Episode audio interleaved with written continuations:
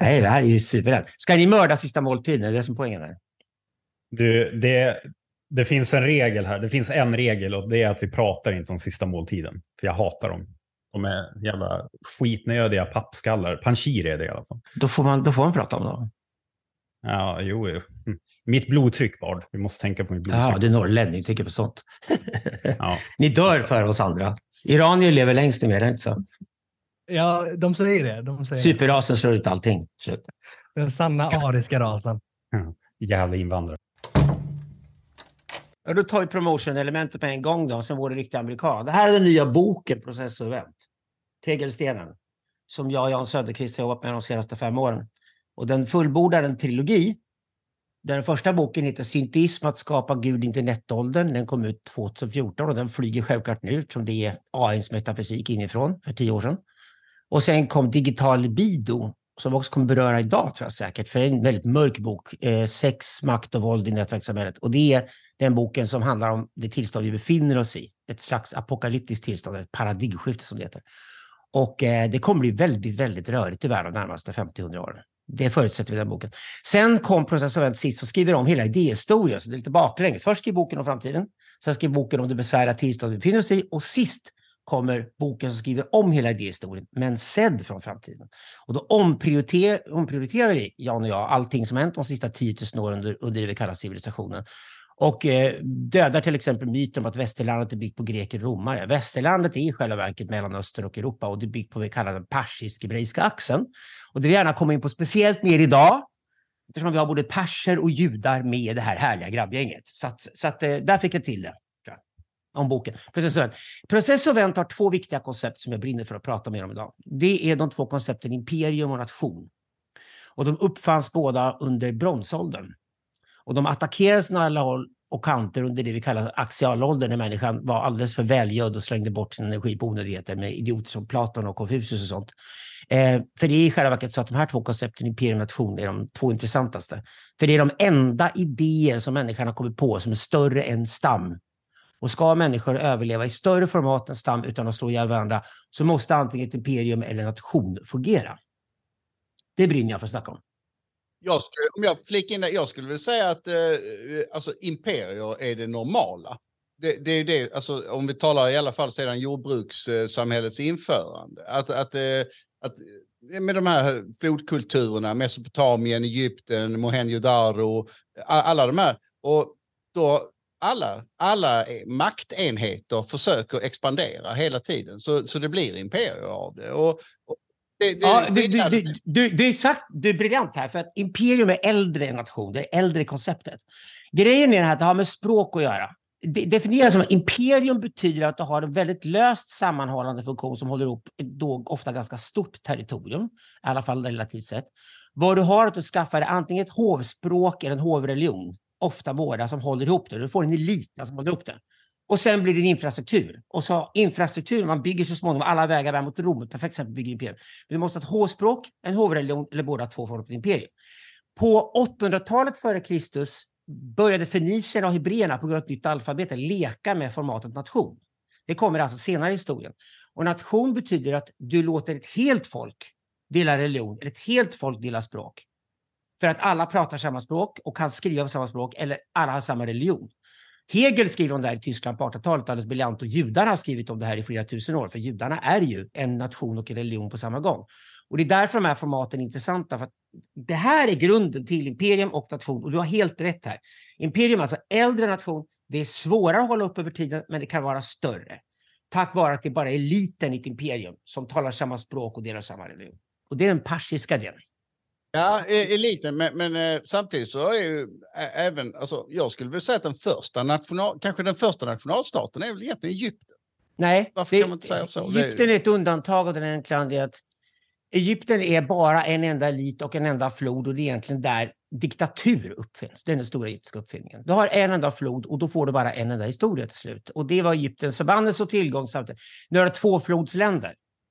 Så får du helt plötsligt två kulturer minst som måste samsas och då måste du börja tänka imperium första gången. Egypten gjorde ett enda försök till imperium på allvar och det var Akhenaton och det tog sex år och han blev Stalin och det gick åt helvete. Jo, Vi ska men snarare det studera- Du ska, du ska ut- snarare vänta, förstå Det ju figurer... Ja, men- ut vänta, vänta. Du måste förstå figurer som Hitler och Stalin som vi inte vill ha längre. Vi har haft dem. Du måste förstå dem som den egyptiska uppfinningen från början. Och här är problemet med västerländskt tänkande att den som verkligen trodde på den egyptiska delen var Platon. Platon är egyptier. Mot honom bland grekerna står Heraklitos som var perser i sitt tänkande från början och han trodde på maktdelning. Och det är alltid kampen mellan diktaturen och maktdelningen under antiken som är intressanta och som vi måste ta vara på idag. Vi vill ju inte ha diktatur. Ingen av oss behöver poliser. Ingen av oss behöver knappt militär heller så länge vi är en stam. En stam är så otroligt väl sammanhållen och det gjorde jag genom att göra antropologi i decennier. Jag har ju bott i Brasilien, i djungeln, jag har bott i Nya Guinea och allt som antropologer gör. Och så ser jag väldigt tydligt att stammen har en viss, det finns en klan upp till ungefär 150, ni pratar om Dunbarsiffran eller klanen. Sen kommer stammen upp till 1200-1500 personer. Upp till den storleken känner vi alla varandra, känner varandra vid namn, känner varandra ansikten och har, följer olika arketyper, olika roller som vi ska utföra i stammen för att den ska hålla ihop. En framgångsrik stam kommer att expandera och knoppa av så blir flera stammar. En dålig stam kommer gå under. Och själva verket är hela evolutionen, inte alls någon evolution om gener som varit i kamp med varandra. Då är helt fel. Det handlar om stammar hela tiden. Och sen när vi under, vi börjar bo, få fasta bosättningar och vi blir semi-nomadic och vi börjar bli settled i historien som det heter, för ungefär 10 år sedan, då måste vi hitta på nya större format, för vi får mycket större populationer på mycket, mycket tajtare, mindre områden. Vi måste också ha lagfarter, ägande av mark, för vi investerar i mark, vi bygger jordbruk. För att de här grejerna ska fungera börjar vi tänka imperium. Och det här är helt rätt, imperium är det äldsta formatet av två. Sen kommer nation först senare. Det är när så att säga, bildningsgraden, det vill säga språk och religion, har gått så långt ner i den större gruppen att du börjar helt plötsligt komma på att det finns ett större stam här som växer fram naturligt, där vi pratar samma språk och delar samma värderingar. Det är nationen. Och den börjar ungefär 800 före Kristus. Jag, jag håller med om det här. Vi kan se det här att det går stamma uppåt och från, från stenåldern. Men kanske om vi säger historien, om vi håller oss till de senaste 8000 åren där. Jag skulle nog, just föreställningen om att det finns ett folk. Jag, är inte, jag, jag, jag tror att risken är väl att vi lurar oss själva lite grann när vi tittar då, som du sa, eh, judarna betraktades som ett folk för sånt. Men samtidigt så var det ju liksom en slags jävla kastväsende. Leviterna, kohaniterna, de här, alltså de var ju den babyloniska fångenskapen, där var det ju att de hade, det var ju bara en elit som de fångade. Så att även de här, de första nationalstaterna eh, och, har, har ju varit elit. Alla samhällen är kast. Alla samhällen är kastsystem. Det, vi håller, det, woke, vi, woke, woke vill göra oss till kastsystem igen. Det är kastsystemet som kommer Vänta, tillbaka. här, Ja. alla är kastsystem, alla, alla, eh, och alla, alla har någon slags elit. Men samtidigt, så, det nya som kommer ju egentligen efter franska revolutionen, skulle jag säga, det är ju den här lite djupare föreställningen om ett folk, alltså folkgeist, alltså att det finns en folksjäl, att tyskar Nej, det här är... är europeiskt jävla stömos. Den idén, vänta nu, det här är, det är en bullshit. Den idén är när Cyrus den store tar över Babylon 539 före Kristus. Den enskilt viktigaste händelsen under antiken. Ingen gubbe som dinglar på någon korsen och sån dumheter. Det viktigaste under antiken är när Cyrus den store tar Babylon. Han chockar världen med att inte slå ihjäl sina fiender och inte koka fiendens barn i olja som alla gjort fram till dess. Det är det nya. Vad han istället gör är att han går in hos Babylon och säger ni är dåliga på att vara babylonier. Han investerar i att bygga ett nytt tempel Marduk. Så Babylonien har en egen identitet inom ett imperium. Det är där folk kommer fram. Och sen hittar han, vänta, vänta, sen hittar han några roliga jeppar som springer omkring där och handlar på gatorna som en ursprunglig egyptisk sekt som kallas hebreer. De diggar han och gör. Han investerar i att ta, bak, ta tillbaka dem till Jerusalem som de claimar att de kommer ifrån och bygger där det andra templet. Och där du bygger ditt tempel där alla pratar samma språk och har samma religion har du nationen. Här finns nationen, här finns folket. Det är ingen europeisk 1800-talsidé. Det Hegel egentligen gör briljant nog på 1800-talet är att han skriver böcker om nationalstaten. Han skriver öppet att han grundade på perserna och judarna. Det är det vi tappat bort. Det här, det här idéer kommer från Mellanöstern. Det är inte europeiskt. Det är snömos att påstå Alltså, jag, jag, jag, nej, jag, jag skulle nog ändå säga att den här, de hade ändå den hebreiska, det som i så fall skulle vara någonting efter att de kommer tillbaka igen, andra templets uppbyggnad, det skulle väl vara eh, uppfinningen av synagog. Alltså, Det, det är inte man- deras uppfinning. man- Nej, Jo, jo, om vänta nu, det du kan inte historia gubben. nej, vänta nu. Det första sättet att organisera... Vänta nu. Det första sättet att organisera kongregationen, persisk uppfinning, det heter anjuman. Jag tror säkert Adrian har hört om, för anjuman finns i persiska språket än idag. Anjuman är det första sättet att organisera människor runt en tro. Så du har en gemensam värdering som du har och då bygger du egentligen ett slags stam som kan växa större inom en större population. Och det är religion som gör det. Religion och nation förenas sen i judendomen, synagogebyggen och så vidare. Sen är kyrkorna, kristendomen och moskéerna, islam, det enda bra med de religionerna det är imitationer av det här, men idén är från början anjuman och Persa. Och det heter sanga bland buddister i Asien. Liksom. Det var ju det som var min poäng, att det som i så fall skapar någon slags folklighet eh, hos den tidiga judendomen är ju synagogorna. Just det här att man inte har ett jävla tempel mitt i landet som alla ska vallfärda till och eh, e-, liksom tända rökelse till och sånt skit. Utan att man istället har, man tittar på de första synagogorna kan man ju betrakta dem som en slags klubbhus. Ungefär som att vi har eh, så, kroatiska föreningen, somaliska föreningen. Det, det är någonting du skapar i landsflykt. Sen när man kommer tillbaka så upptäckte man att det här var ju ganska bra. Ja, men det är inte en judisk uppfinning, det var hela min poäng. Varför drog du in synagogan i det här? Nej, men poängen var att synagogans organisationsform Ja. istället för ett tempel i mitten. Det är en persisk Den- uppfinning, heter anjuman. Perserna byggde inte tempel. De byggde anjuman. Templet Mm. var där anjuman träffades. Det är en persisk uppfinning. Den är äldre än judendomen. Mycket Lukas, nu försöker du det beröva mina förfäder den här, eh, Ja, precis. den här ställningen som de egentligen ska ha. Eh, Bra Adrian! Du angriper, du angriper en eurocentrisk akademiker för att inte få, han måste sluta vara eurocentrisk. Ja, det är bra. bra. Jag hör inte nationen och nationalismen, nu har inte du använt det ordet då, men jag hör inte den användas som ett slags skällsord som är lite mode numera. Den här föreställningen om att nationen är, banar vägen för någon form av eh, förtryck, nationalsocialism och sådär. Eh, Jag, jag, hör snarare, jag hör snarare det som en, en eh, mål, milstolpe liksom i utvecklingen som är en, ett, ett motgift på många sätt mot den naturliga Ja, tribalismen. jag, som jag kan är nationalliberal eller liberal nationalist. Kan du kalla vilket du vill om. Det är exakt vad jag är. Om nationen inte fungerar, fungerar ingenting. Det vill säga om liberalismen inte har en stark nation som är skyddad och står stark, då är det anarki. Ja, Det är vad det är då. Det finns ingen liberalism utan en nation. Det är vansinne att tänka. Jag hatar Liberalerna och Centerpartiet för de har lurat oss att tro. Det enda de är att de är sossar ändå. Det enda de blir till slut.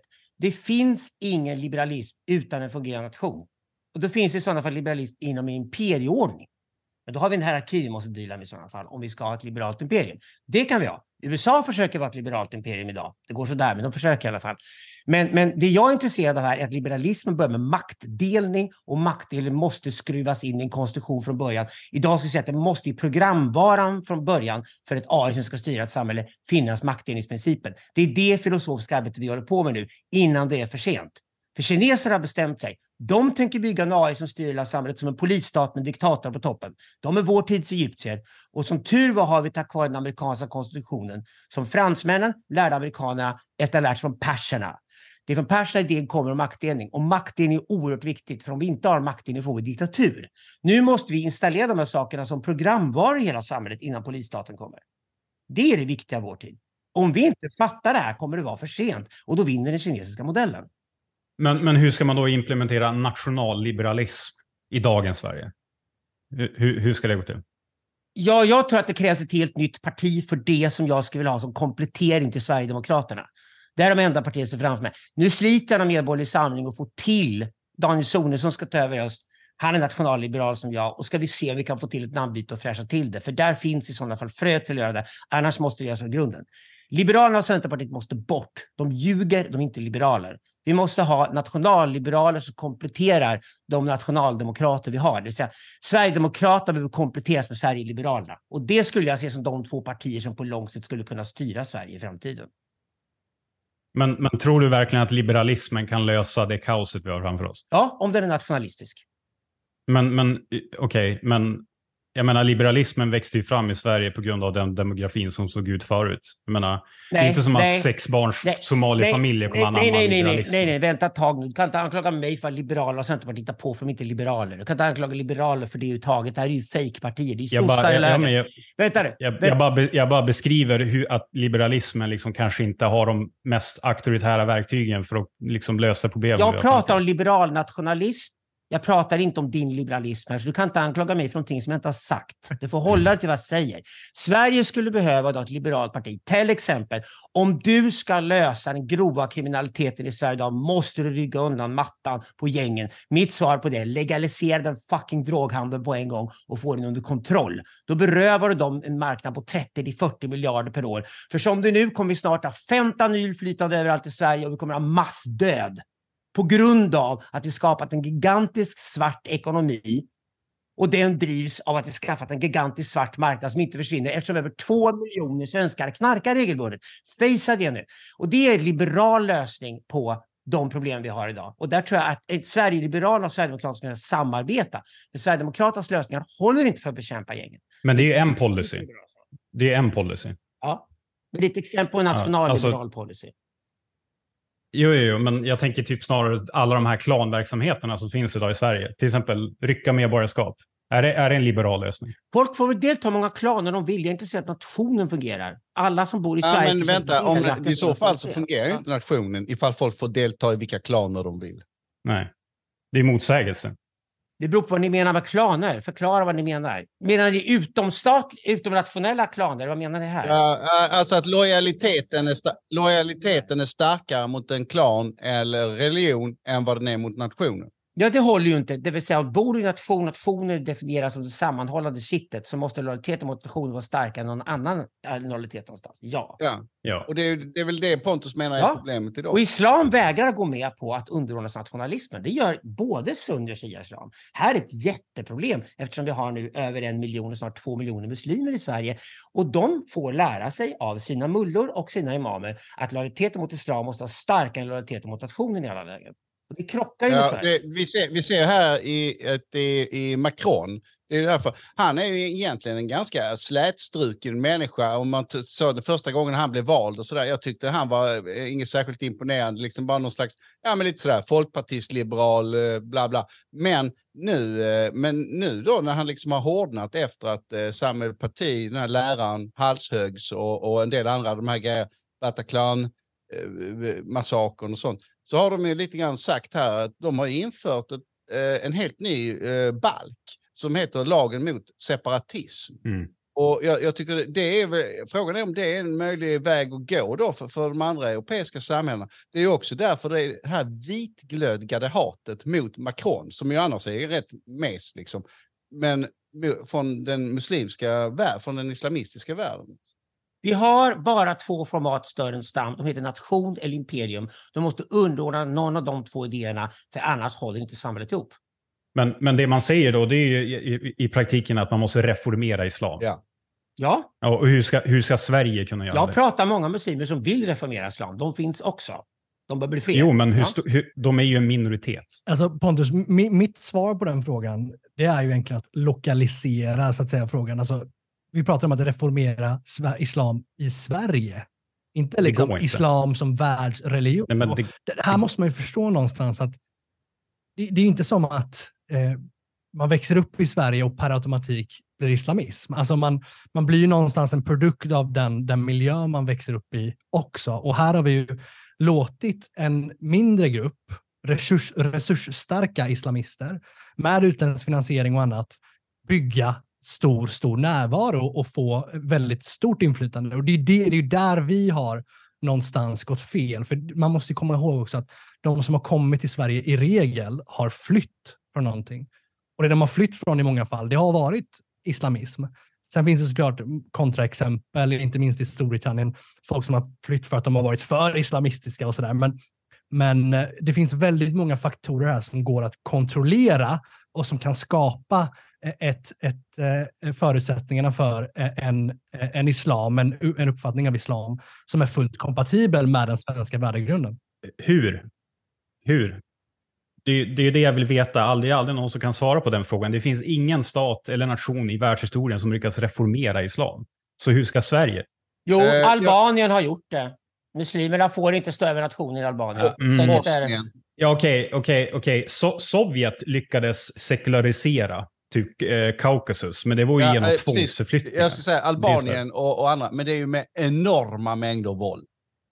Alltså, Exakt, som, eh, exakt. Ja, men jag skulle vilja kontra det med Atatürk och Nasser som ändå har lyckats delvis att sekularisera deras samhällen. ja, de slaktar ju bara turkmener och kurder och allt. Alltså, Jo, men det, det är ju delvis så att alltså, Nasser han, han förbjöd ju polygami till exempel. Så, alltså, man kan ju sakta men säkert progressivt eh, sekulariseras. det går inte på över natten. Det, det här, de är ju nationalister. Det är det de är. Turkiska arabiska nationalister pratar om. Och det har varit den andra strömningen de sista hundra åren. Och när nationalismen sen fallerade på 70-talet kom islamismen från Iran, Khomeini och när shia-muslimerna blandade ihop sin religion och den tog över nationen i Iran, då började självklart sunnimuslimer göra samma sak och så gick al-Qaida och så gick allt skit de fått efteråt. Nu pågår det ju en stor sekularisering i Mellanöstern. Det är väldigt intressant nu. Som alla i Saudiarabien festar utav helvete och åker till Dubai. Det är så. De konservativaste muslimerna har vi fått i Europa. De har vi här nu. Det är som, turkarna i Ty Tyskland är mycket konservativare och mer islamistiska än turkarna i Turkiet. Så Yes. jag tror att vi måste gå ihop inom Europa och det är här vi har konfrontationen med islam, där islam är konservativast i världen idag. Det är här och i Centralafrika. Och sen måste vi säga att ni får med här samhället, ni får gå till moské bäst ni vill, men ni måste underordna er de europeiska nationerna och deras grundlagar. Punkt. Där måste vi landa. Men, men jag, vill, jag, vill, jag vill förstå, eh, Alexander, hur du tänker när det gäller imperium och, och, och nationer. Så där. Är, är inte de ömsesidigt, ömsesidigt utslutande? Att Alltså, imperialismen eh, respekterar ju inte nationsgränser. Och det, det här Jo, också... Nej, nej, nej, nation skapas inom imperium från början. Det var därför Kristus blev korsfäst, därför att det fanns judar som tyckte det var toppen att vara nation inom romarimperiet, för de hade tränat sig att vara nation inom persimperiet före. Det är sadakiterna, det är de som dödade Kristus en gång på korset. Därför uppenbarligen var, var det här en kille som ville göra uppror och ta över hela romarimperiet och alltihopa. Och då tänkte de, det här är inte en bra idé, för det kommer inte romarna gilla. De kommer slakta oss, vilket är vad som hände. Kristendomen började i riktigt skit, skulle jag påstå. Och det är sådana figurer de vill lösa med. Nej, nationen föds från början som en enhet inom imperiet där man talar samma språk och har samma religion. För imperiet har bara en elitreligion och ett elitspråk. Imperium hålls ihop med att ha ett hovspråk och en hovreligion. Det är den persiska idén. Zoroastrismen är det. Rasismen är en religion för en elit, en liten religion än idag, men det är världens överlägset bästa religion och den slår till och med judarna genomsnittlig inkomst, genomsnittlig utbildning, vad fan du vill, och de styr Indien. Fast det är en minoritet på ett par hundratusen människor. Så bygger du en genial religion. Du vill inte ha massorna, men elit. Och det, det, du måste bestämma, imperium är nationen. Sen kommer idén om den självständiga nationen som lämnar imperiet med den egna flaggan och har total kontroll över sitt eget territorium. Det är en senare idé som utvecklas. Och Hegel påpekar att judarna gjorde det först därför att judarna har fattat att alfabetet var grunden för att sen ha religion och nation samma. Och jag har påstått att all antisemitism vi brottas i vårt samhälle idag är ingenting annat än nationsavund. För ingen har lyckats göra nationen bättre än judarna. Och det är därför antisemitismen inte ska blandas ihop med rasism. Det är ett hat mot en överlägsen grupp, mot en grupp som har lyckats. Och varför? För de har verkligen lyckats med riktiga nationen. Det är både religion och språk i en och samma sak. Ja, det där är ju ett skämt som Aron Flam brukar dra på scen, att, att eh, antisemitismen, när man hatar en övre, överstående... Ja, vad tror du han har ras. fått det ifrån? Det visar sig att utveckla idén Ja, i från den ursprungliga arisk-judiska podcasten som Göran Flam hade. Men, men, men ser, ser du en framtida manifestation av ett eh, europeiskt eh, imperium som är liksom ett välvilligt imperium? Ja, alltså, de imperier som skulle kunna hålla bäst är de som förmodligen är lösast. Jag vill ha kvar EU, men ha det mycket, mycket lösare än idag. Eh, Beskattning direkt till Bryssel ska bort. Bryssel ska inte ha ett öre som inte Sveriges riksdag har godkänt. Det tycker jag är en enkel princip. Men det finns andra imperier som funkar bättre än det sättet. Och lösare funkar bättre. Indien och USA funkar mycket bättre än Ryssland och Kina. Därför hårdare, ju hårdare du centraliserar ett imperium idag, desto mer bräckligt är det. Jag tror Ryssland kommer gå under och jag tror Kina kommer gå under närmast 50 år. Det kommer bli blodigt och rörigt när de två systemen går under. Systemen håller. Ind, Indien och USA håller bättre och EU borde ta typ Indien som modell för hur du ska kunna ha ett imperium med starka nationer inom ett imperium. Men eh, jag, jag skulle det finns ju, när vi talar om imperium här det, och, och nation, det, det finns ju också en annan term, civilisation. Eh, vi har, Men det är vagt, det är en abstraktion. ja, ja, ja, men, men, men, men abstraktioner spelar ju roll. Eh, alltså, vi har ju alltså, föreställningen om eh, upplysning, vetenskapen, förnuftet och alla sådana grejer. Jag tycker det, det, det är en bra, jag, jag håller helt med det här med att, eh, jag delar den uppfattningen att eh, all form av politik och demokrati, liberalism, vad du vill, social, allting måste vila i statens famn på något vis.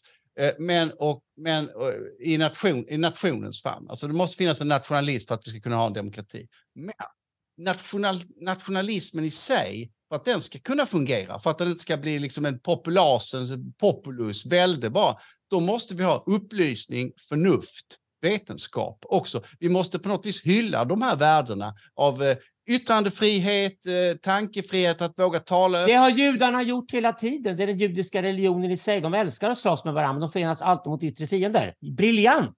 Det är judiskt. Ja, men de har hårda utslutning. Spinoza. Hårda ja, och du tror inte du nationer kommer att ha heller, eller vadå? Det har vi hela tiden. Men, men han ifrågasatte väldigt vänligt och snällt. Alltså, du får inte vara för snäll mot judarna nu. Spinoza var ju för fan en monistisk sufi. Det är klart han ifrågasatte judisk ortodoxi så in i helvete.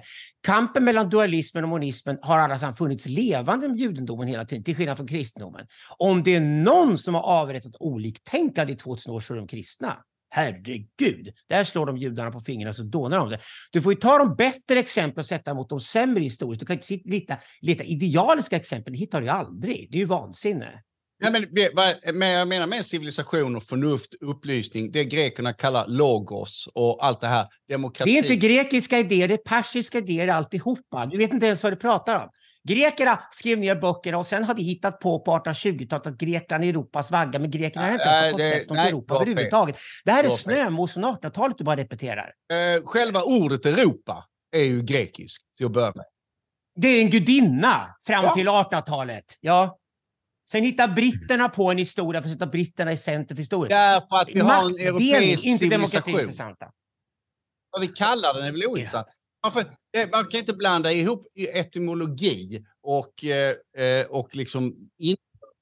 Nej, man kan, man kan köra dina fördomar ett varv till och säga att man har sagt något viktigt. Nej, det här har vi hört till leda. Snälla du, maktdelning är det intressanta och det måste finnas inom ett imperium eller nation. Civilisation är ingen form för att styra någonting. En abstraktion.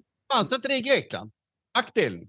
Maktdelning är det vi ska prata om. Det är det vi ska hålla i. Ja. Alternativ till ja, ja. diktatur. Den, den grekiska tanken om att man står på torg, en agora, samtalar, man möts och allting. Det är den europeiska civilisationens bas, inte perserna. Det vågar jag påstå.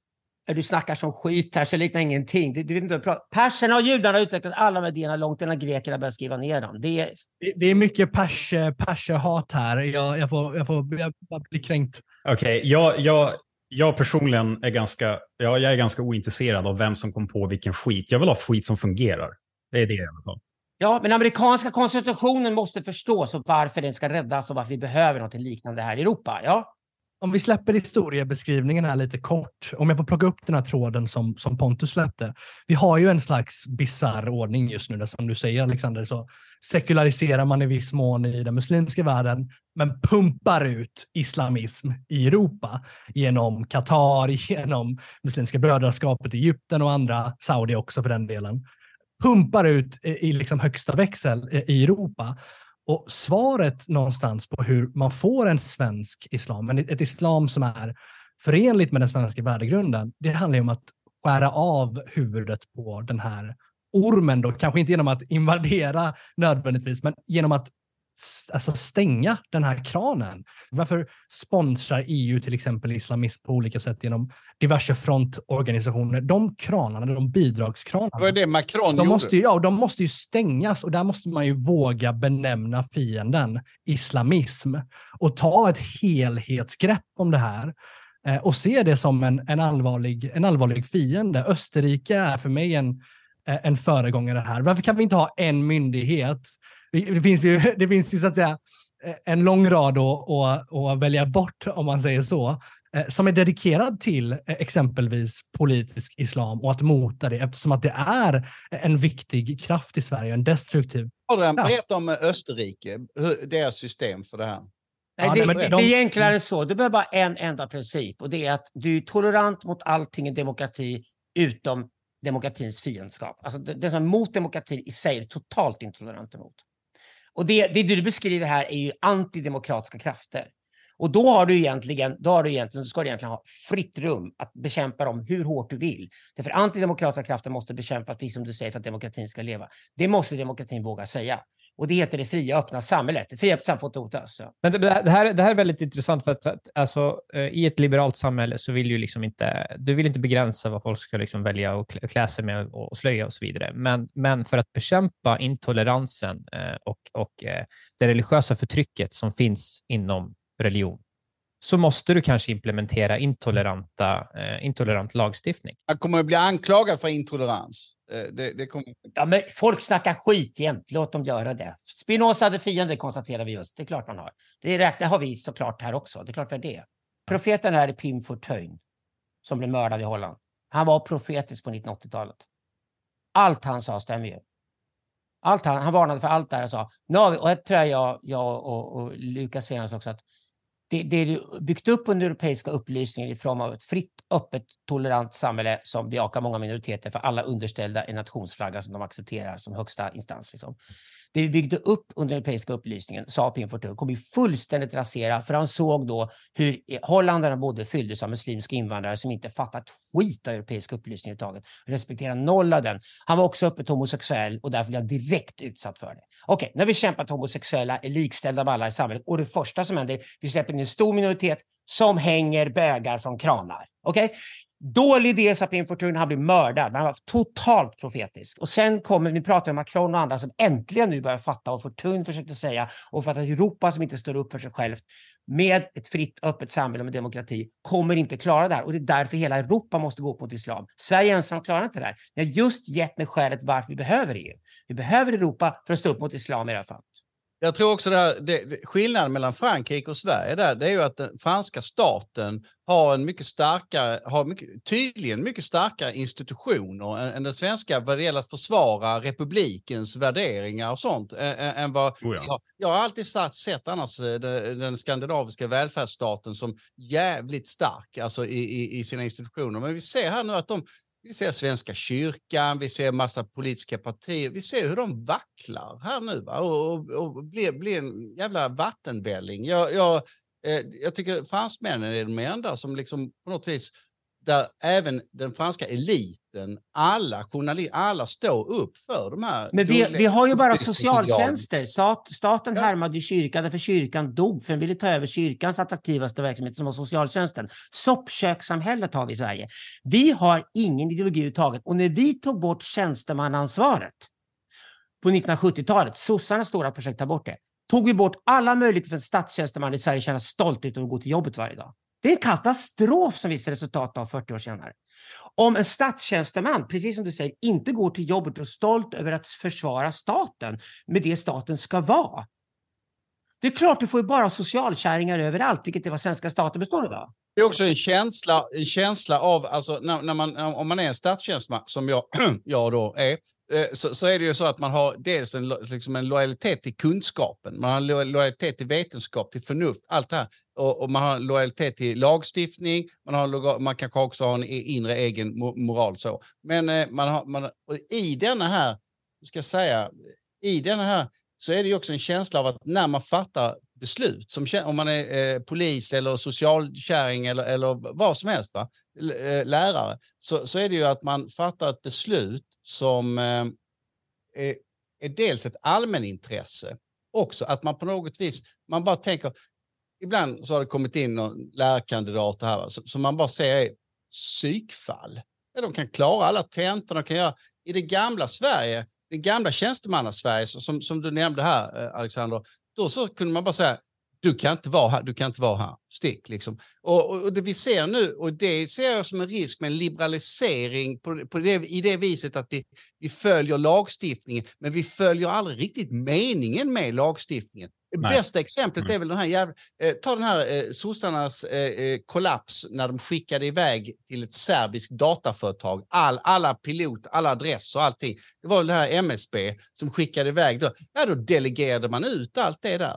Eh, kommer ni ihåg det? Minns ni? Ja, Transportgate. Ja, ja, men jag säger att det, Ja, om man tar bort tjänstemannaansvaret, får man ett sånt här samhälle 40 år senare? Ja. Hade det här varit liksom 19, Sverige 1978 då, och då hade det varit lastbilar med arkivpapper som skulle köras till Serbien, då hade ju bara en jävla vaktmästare sett, vänta här nu, vi kan inte skicka de här hemliga uppgifterna till jävla utlandet. Lägg av. Så hade han bara stått, lastbilschauffören hade för fan stoppat det. Alla hade bara fattat att så här kan man inte göra. Men vi har inte längre det därför att vi har en juridifiering av samhället också. Där man säger, nej men jag följde bara vad jag skulle göra och jag tryckte bara på de här. Och det är ju ett problem att man inte har den samhälleliga tanken i sitt faktiska agerande. Ja, jag och Hanif Bali och Droga har drivit kampanj för att det ska tjänstemannaansvaret måste återinstalleras i Sverige. Och, eh, och jobbade för stat. Vi ska ha en liten smart stat vill jag ha i Sverige och den ska fungera med kärnverksamheter som fungerar. Nummer ett, du ska vara stolt över att gå till jobbet varje dag för du är ansvarig för vad du uträttar. Det, det, tycker jag är fundamentalt för att en stat ska fungera. Och sossarna avskaffade det här ansvaret på 1970-talet. För de höll på med sina fackföreningar och började göra allas ansvarslösa för vad det än var. Alla skulle få sina löner, ingen skulle ta ansvar för någonting. Det är ju det så-Sverige, relativism kallar du det här Adrian. Det är ju precis det som flyttar in på 1970-talet i svensk diskurs och sen har det svept hela samhället. Det är sånt du får betala för dyrt 40 år senare. Så när vi tog emot stora flyktingströmmar på 2010-talet och hade bara socialtjänster överallt som skrev ut bidrag utan att det fick konsekvenser konsekvenser för någon som skrev på pappren. Det är väl klart du fick den här soppan vi har nu. Det är därför vi sitter här nu då, då, och hittar en gemensam agenda med Sverigedemokraterna och nationalliberaler. För det försöker jobba fram här. Som ska kunna jag, jag är inte så jävla säker på att tjänstemannaansvar bara räcker, bara det. Utan det handlar... Nej, det, det räcker. Det, det, det, absolut liksom inte, men det är början till att börja med.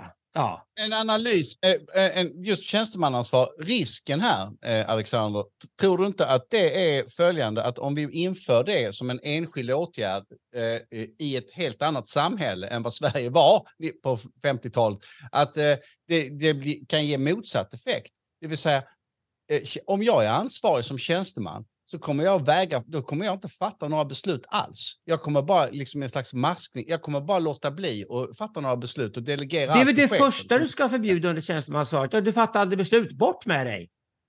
Det är det första tjänstemansvaret ska ta upp. Det är första punkten. Såklart. Jag bara säger att det, det kommer att vara ett problem. Ja, men vi, alltså, om... vi kommer fastna i tjänstemansvaret timmar fram att diskutera det, för det är en komplicerad fråga. Jag ser bara att det här är första steget.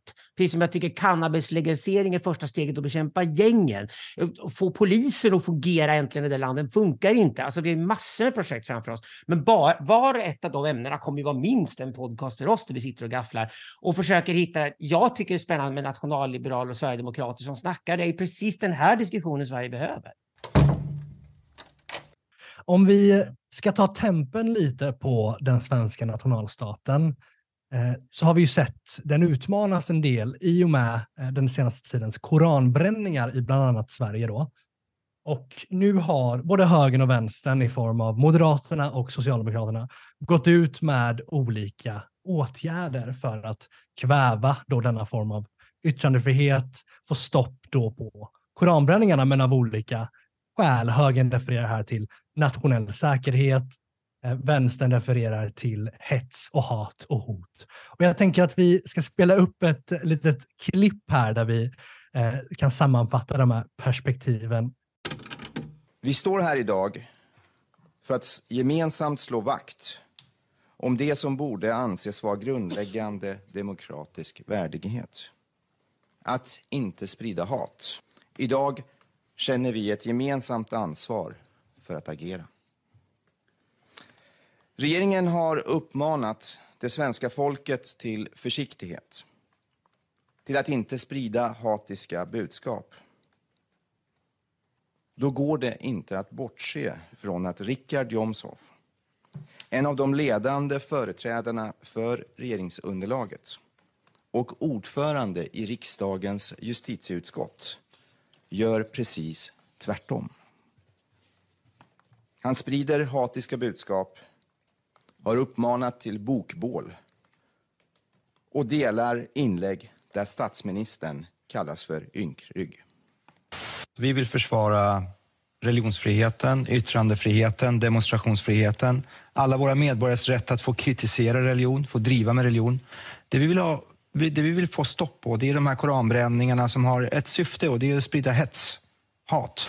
alla invändningar. Men jag ser också att om Sverige står inför akuta kriser, terrorhot, terrorbrott, då kan inte staten titta på och säga att eftersom det här är- inte är en trafikstörning så tänker vi inte göra någonting. Men vi har alltså inte tagit ställning till någonting överhuvudtaget. Vi vill göra en klassisk svensk utredning.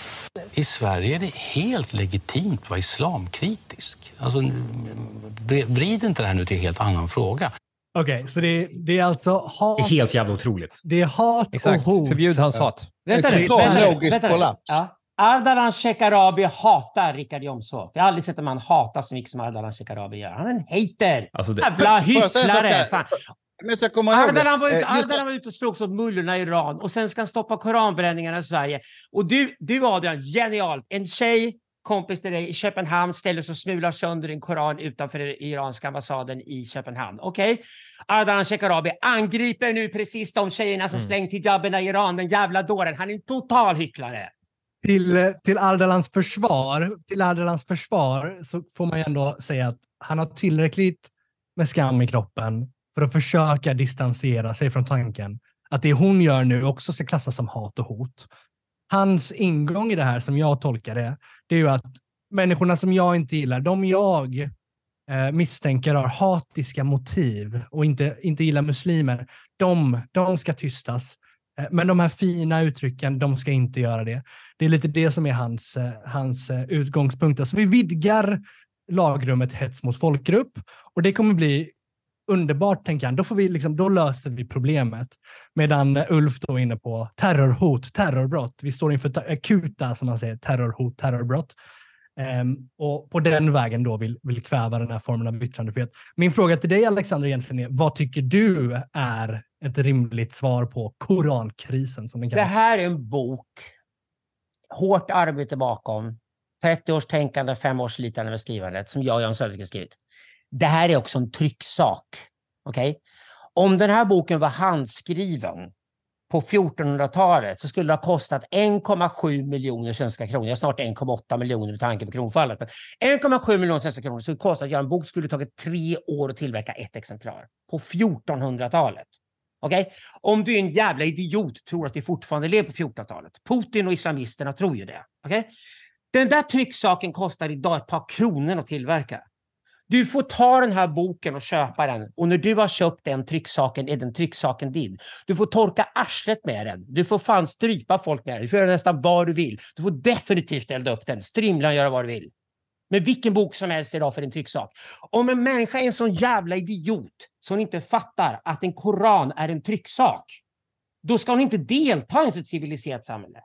Det är dårskap där. Då ska, vi låta dem, då ska vi låta dem leva kvar i den föreställningen, kalla det hat, hot och hets Mm. och förbjuda det helt enkelt. Vi ska vidga. Det här betyder helt enkelt att Koranen har ställts över svensk lag. Det är Exakt. början på sharia. Det är exakt vad Ardalan Shekarabi och Ulf Kristersson försvarar. Moderaterna och sossarna, de gladeligen låter nazister åka godståg fram och tillbaka och säga mycket som helst. De lägger sig platt för vilket ytterhot som helst. De har ingen ryggrad.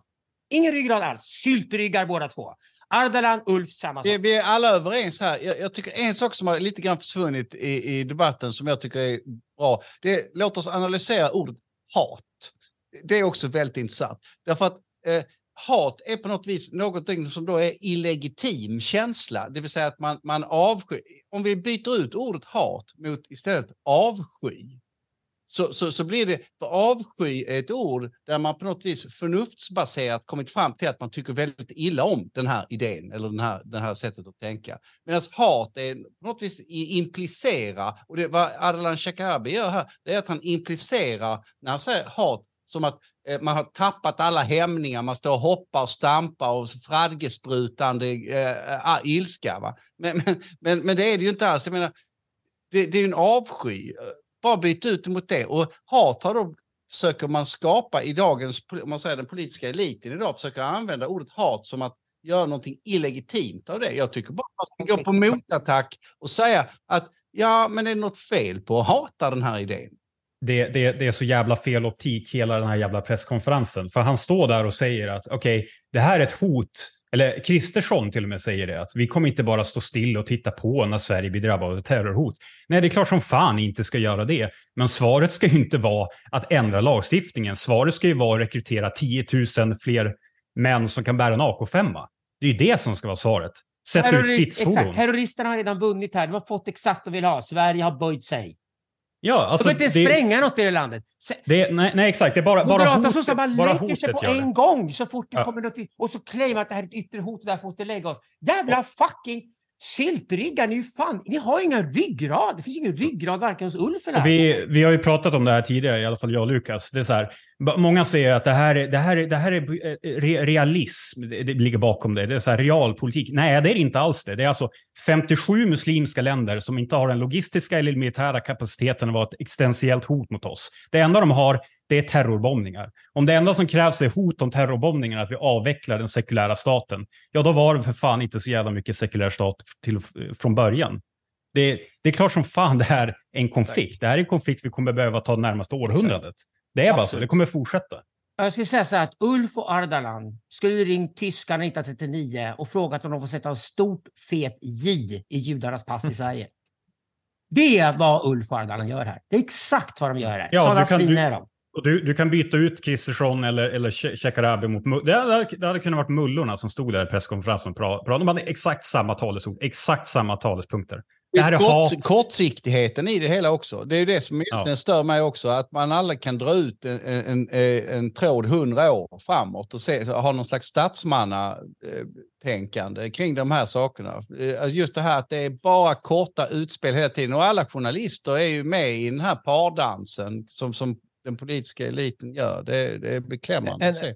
Jo, men Ingen, ingen av dem har läst Koranen överhuvudtaget. Det har jag gjort. Jag har läst Koranen, jag är bildad. Det är en jävla skitbok. Det är en bok som är hemma ett feodalt samhälle för folk att vara livrädda och sitta tysta och lugna och inte bråka mot överheten. Det är exakt en sån bok. Det är en bok Ja. som är skriven långt före den europeiska upplysningen. Den är skriven i protest mot den persiska upplysningen. Islam är en klar försämring av rasismen. Vad det är. Liksom. Det är bara ett fall ner till en populistisk feodal religion. Och det är vad Koranen är. Det, det, Koranen uppmanar folk att man ska hänga homosexuella livskranar. Det kommer därifrån. Liksom. Så det är den boken. Så det är inte så att vi, vi, får bränna, vi får bränna bra böcker. Det här är en bättre bok än Koranen, det lovar jag. Det är klart bättre än Koranen. Alltså, du får bränna bra böcker, dåliga böcker och vill. Det är vi alla fria att göra. Och bränna trycksaker ska vi göra mer än någonsin. Och en sak är säker, någonstans vi ska börja sätta upp en civil olydnad för att rädda Sverige, så elda upp fler koraner. Oavsett vad fan Ulf Ardalan hittar på. Jag ska bara nämna för lyssnarna som inte visade vilken bok som Alexander visar fram. Den heter Process och event som alla borde köpa. Eh, Jag vill också nämna en Mm. viktig aspekt här som jag inte tycker, jag, jag har inte hört den tidigare i alla fall, men det, det är att, att man borde ändå ha en viss beundran för muslimer och hur de står upp för sina principer. För de, de står ju upp till, för, för sina principer till den grad att, att de hotar andra länder som inte står upp för deras principer. Svenskar står inte ens upp för principer till den grad att, att man försvarar eh, sina principer i sitt, sitt egna land. Men muslimer vill ju exportera sina principer till andra länder, så, så, så, och det är ju beundransvärt. Ja, det, det, det är ju bra att vilja stå upp för sina principer. Man ska nog akta sig för att romantisera muslimer och deras starkhet i den här frågan för mycket. Då, då, hamnar, man, då hamnar man, Elias, i det här, i det här Andrew Tate-träsket eh, med den här macho-islamismen. Jag tror att man ska akta sig väldigt noga för det, inte minst på högerkanten, för där ser vi en form av romantism. Ja, precis. Det här, det här, det här luriga ordet respekt. Liksom. Det är också så, om man ska försöka bena ut det här lite mer så är det ju trots allt två någorlunda eh, åtskilda eh, tillvägagångssätt som föreslås här. Alltså om, om vi tar Ulf till att börja med då, tanken om nationell säkerhet. Som jag har förstått det så finns redan många av de här verktygen eh, inbäddade i ordningslagen som den står idag. Lyssnar man på Magnus Norell till exempel så menar han det. Johan Westerholm också. Ehm, men man vill då utvidga den då ungefär på samma sätt som, eh, som eh, sossarna då vill utvidga hets mot folkgrupp. Eh, och tänker man då, eller finns det då en hotbild mot nationen helt enkelt, eh, så ska då de här eh, allmänna sammankomsterna få nekas, flyttas. Ja, det beror väl på helt enkelt. Det jag ser med det här till att börja med då, eh, är ju att det finns ju inte så att säga så stor förståelse redan idag eh, om man kollar på polisledningen. Alltså ta Emily Kullmyr som exempel här i Göteborg. Jag menar, när hon illegalt nekade Paludans koranbränningar, allmänna sammankomster, så säger hon i samma veva att vi måste alla gå ihop och försvara Ja, islam. efterbliven. förklara varför han har fel i sin kritik mot islam. Så att jag menar, så jag menar liksom naiviteten och okunskapen känner ju inga gränser eh, där någonstans. Och man vill ju liksom bara slippa det här jobbiga. Eh, så så att en, en sån justering skulle i all praktisk bemärkelse väldigt sannolikt leda till att inga fler koraner får brännas. För det kommer alltid finnas ett hot. De kommer alltid göra ljud. Det kommer alltid vara en hög ljudvolym kring det här. Så då har du lyckats med det du ville. Du har lyckats liksom tysta den här religionskritiken genom att, eh, genom att åberopa ett nationellt säkerhetshot. Och sossarna ser ju det här också till deras försvar. De ser att det här kan bli en större fråga med dissidenter i Sverige som tystas för att det finns ett hot utifrån. Eh, Men, men eh, jag tänker, eh, hur utvärderar du just Moderaternas, om vi ska ta det enskilt, Moderaternas förslag? Frågar du mig här nu? Ja, jag frågar dig Ja, nu, ja. Sossarna har redan massor muslimska väljare. Det är deras nya väljarbas. Jag betraktar Socialdemokraterna som ett muslimskt parti. Problemet med islam är nämligen att islam separerar inte stat och kyrka. I, prag, i, pra, I pragmatiska verkligheten har man länge kämpat i Mellanöstern för att försöka hålla stat och kyrka separerade, så religion och stat inte blandas ihop. Men i islam finns ingen sån separation. I islam står sharia över alla andra lagar. Islam är alltså en imperiereligion. Det är en dålig imitation av zoroastrismen. Förstå, rötterna till islam har inget med kristendom att göra. Det är en imperiereligion och den anser att den ska stå över allting och alla ska bli muslimer. Det är till och med så att jihad är att säga till någon fiende så att nu besegrar jag dig och antingen blir du också muslim eller också slår jag ihjäl dig. Det är så islam expanderar överhuvudtaget. Det är vad jihad är. Eller så blir du en undersåte då, Dimmy, möjligtvis. Ja, ja, ja. Om du ska överleva, då blir du alltså und- du ställs under islam eller får bestraffad för att tillhöra religiös minoritet som står under islam. Det är det viktigaste. Islam måste alltid stå överst. Om du är från Iran till exempel och en förälder är muslim och en förälder är zoroaster och du tycker att du ska välja religion. Om du väljer zoroastrismen blir du dödsdömd i Iran. För där styr shiamullorna. Det är islam. Socialdemokraterna har ju släppt in det här nu och nu sitter de bakbundna. Och det här är deras nya kärnväljare de ska, för de enda Socialdemokraterna skulle ha kvar är socialkärringarna. Socialdemokraternas väljarbas idag är socialkärringar som får sina jobb i offentlig sektor och då vill de ha kvar dem och Socialdemokraterna lovar att alla offentlig sektor ska få mer jobb fast de har mindre att göra. Det är vad de sväller, sväller offentlig sektor plus muslimerna. Det är basen de har. Så nu måste vi konfrontera dem här och säga okej, då har ni socialdemokrater bestämt att sharia står över svensk grundlag. Det är exakt vad de säger nu. Där är vi. Eh, jag, jag, tror också det att det, den frågan man ska ställa egentligen eh, eh till, till de här som, som jag tycker inte ställs, som till, till olika då, eh, ibland självpåtagna muslimska företrädare och så. Det, det är ju bara att ställa eh, en ja eller nej-fråga. Står islam över den svenska, eh, eh svenska lagstiftningen med dess botten i upplysning, vetenskap, förnuft, eh, logos, allt det här? Ja eller nej?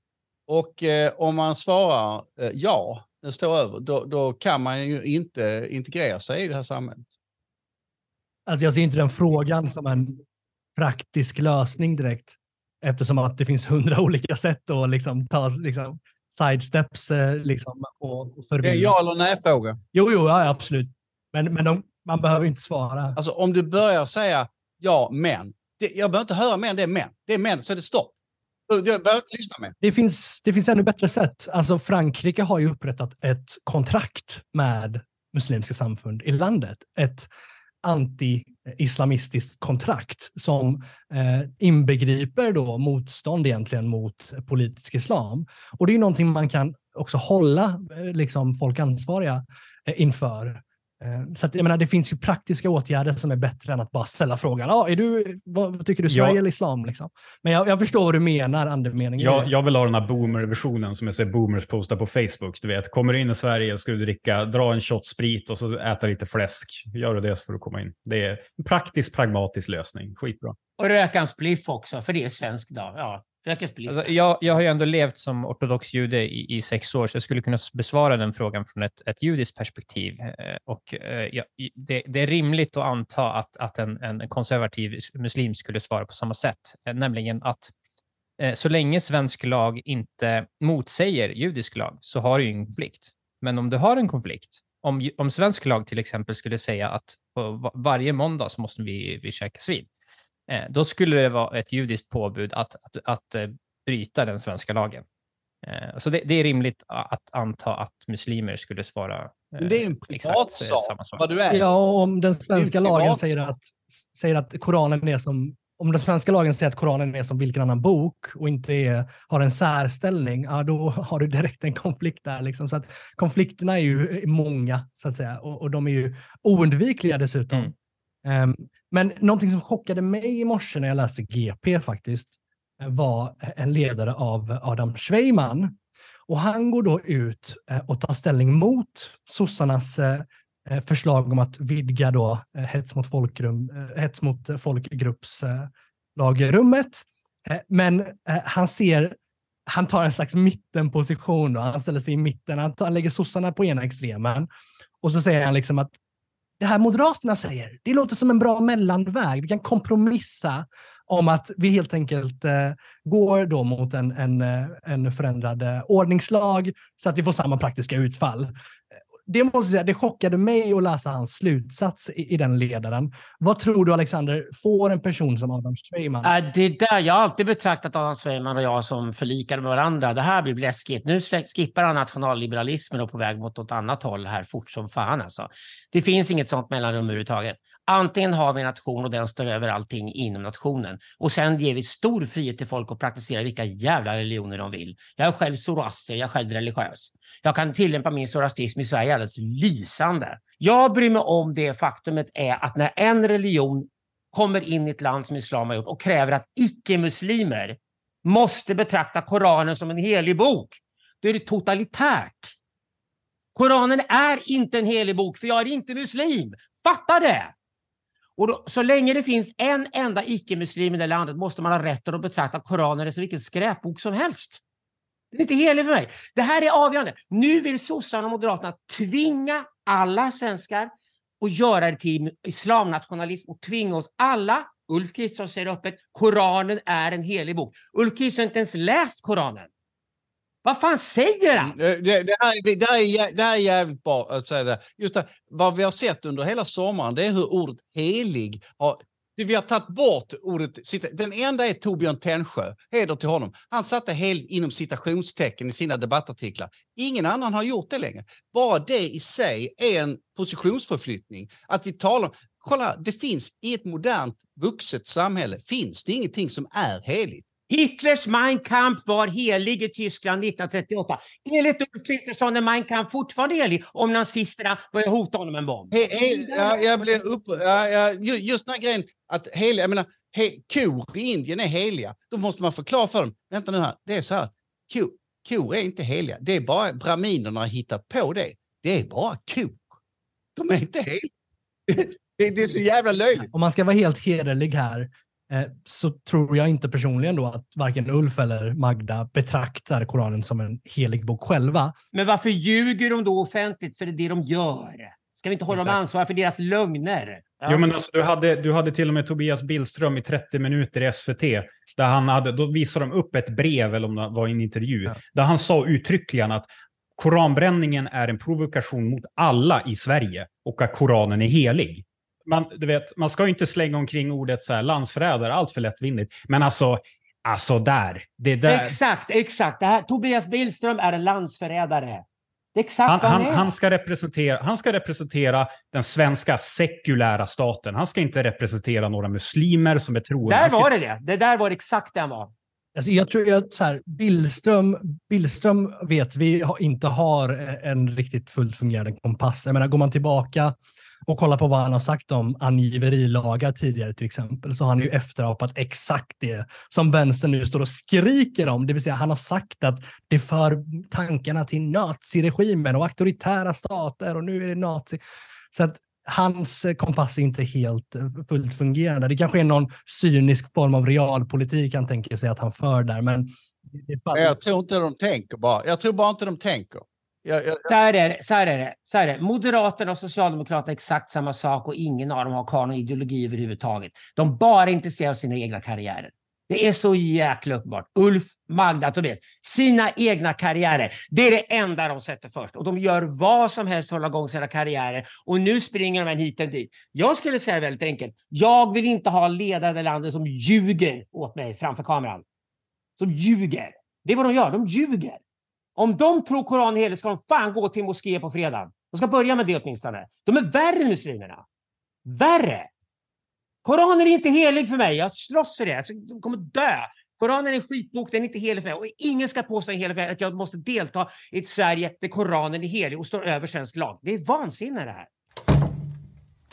Så, så hur, gör vi, hur löser vi den här konflikten? Om det finns en betydande andel människor i Sverige som menar på att Koranen står över det svenska sekulära samhället, vad gör vi med dem?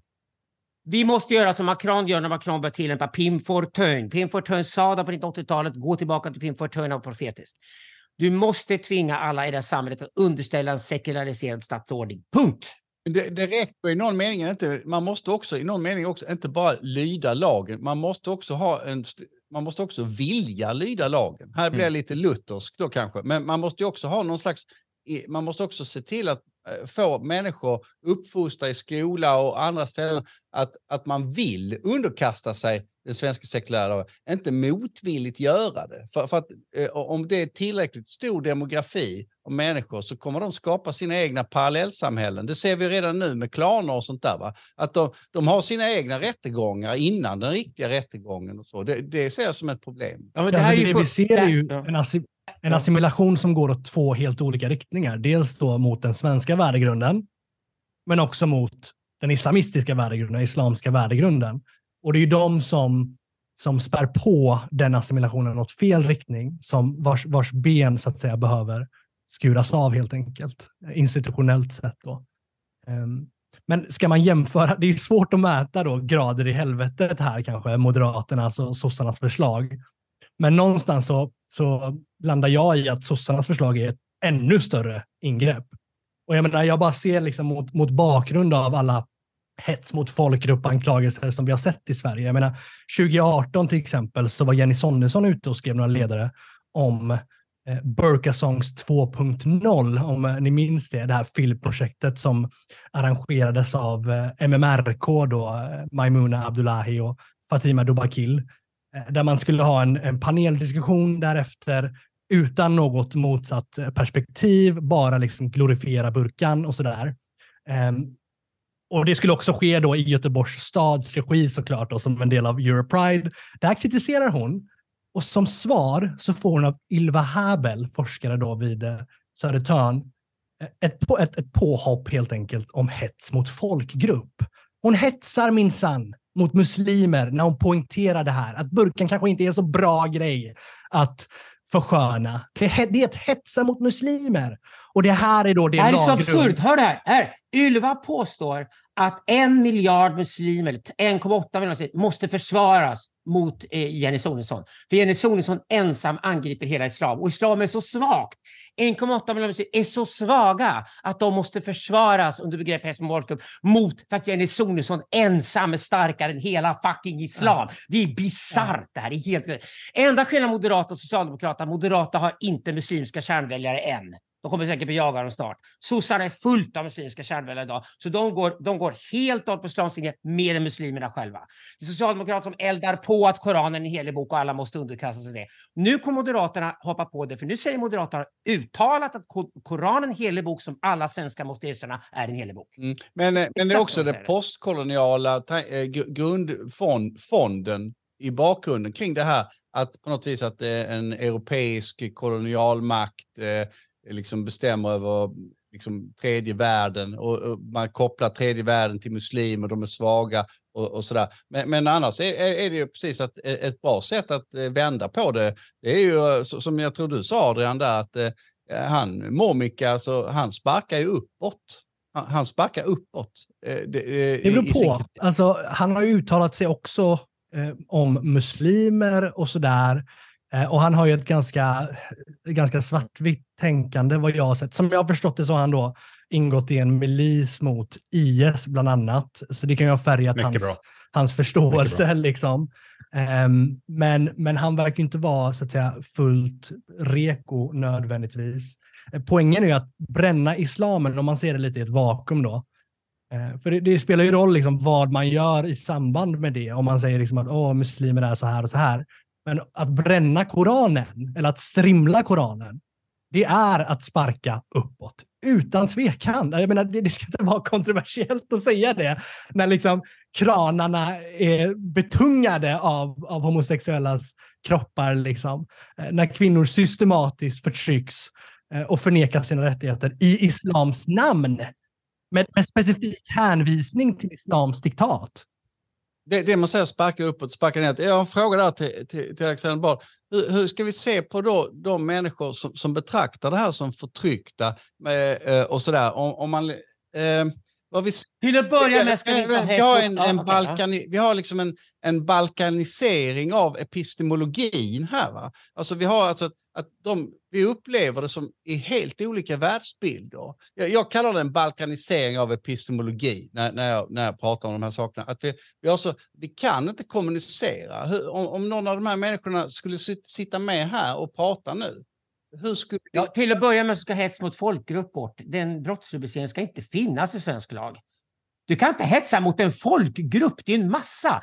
Att en enskild människa hotar en massa är bisarrt. Problemet är i stort att massan dödar av oliktänkande. Det är problemet här.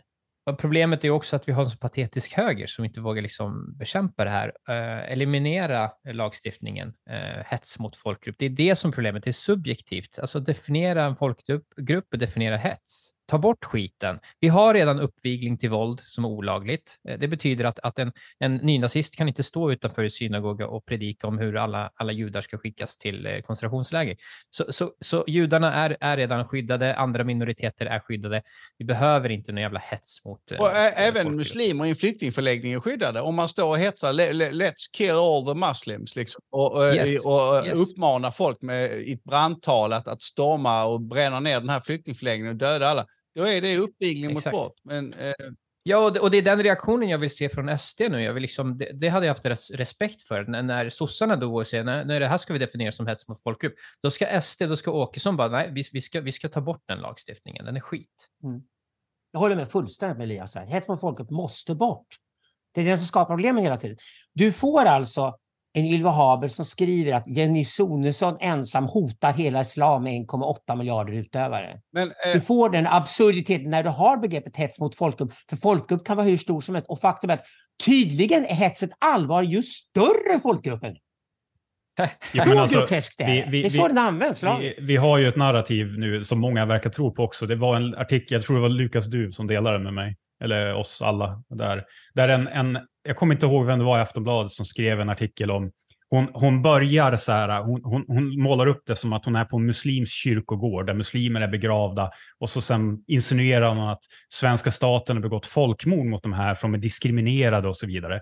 Och så, det, det är så fascinerande att man, man ska föra den bilden, det narrativet, när alla kommer hit frivilligt. Alltså, det, de, de liksom vill göra återkopplingar till 30-talet, men alltså det var ju liksom inte som att judar på 30-talet flydde från Mellanöstern för att åka till Nazityskland. Det är ju helt jävla bisarrt. Och, och, Nej, exakt. De försökte fly. Uh, ingen ville ta emot ja, dem. Alltså de, detta är då det postkoloniala svaret uh, här. Då är det att den vita nord har bombat mm. sönder länderna jo, jo. i svarta syd och därför måste de fly hit. Jo, men det är ju, ännu, det är ju bara ännu mer bisarrt. Okej, okay, så du vill inte nog med att ditt, landet du flyr till har bombat sönder ditt land, vilket inte ens är sant. Men, och de begår folkmord mot din folkgrupp. Varför ska du komma hit för? Det är ju jättebisarrt. Åk hem. Du har ju ingenting här att tvungen, göra. Därför man är tvungen, för att de länderna ja, ja, ja. är sönderslagna av det vita nord. Alltså det är så de kommer säga. Jag, det här jag, jag vill återkomma till, till, till, till det här, va? att vi måste ju... Eh, eh, eh, här, Alexander, du, du, säger då att vi måste avskaffa eh, lagen om hets mot folkgrupp. Ja, sure, absolut. Ett väldigt konkret svar på, på min fråga om eh, eh, just det här eh, att vi lever i olika världsbilder och så. Men, men för att vi ska kunna göra det måste vi på något vis upplösa den här balkaniseringen av, av, av vår, vår, hur vi tolkar och ser världen. Va? Eh, för, för att driva igenom det. Så att det hade varit en sak om man satt och själv var en slags diktator och sa nu tar vi bort det här och så kommer det bli bra. Sure.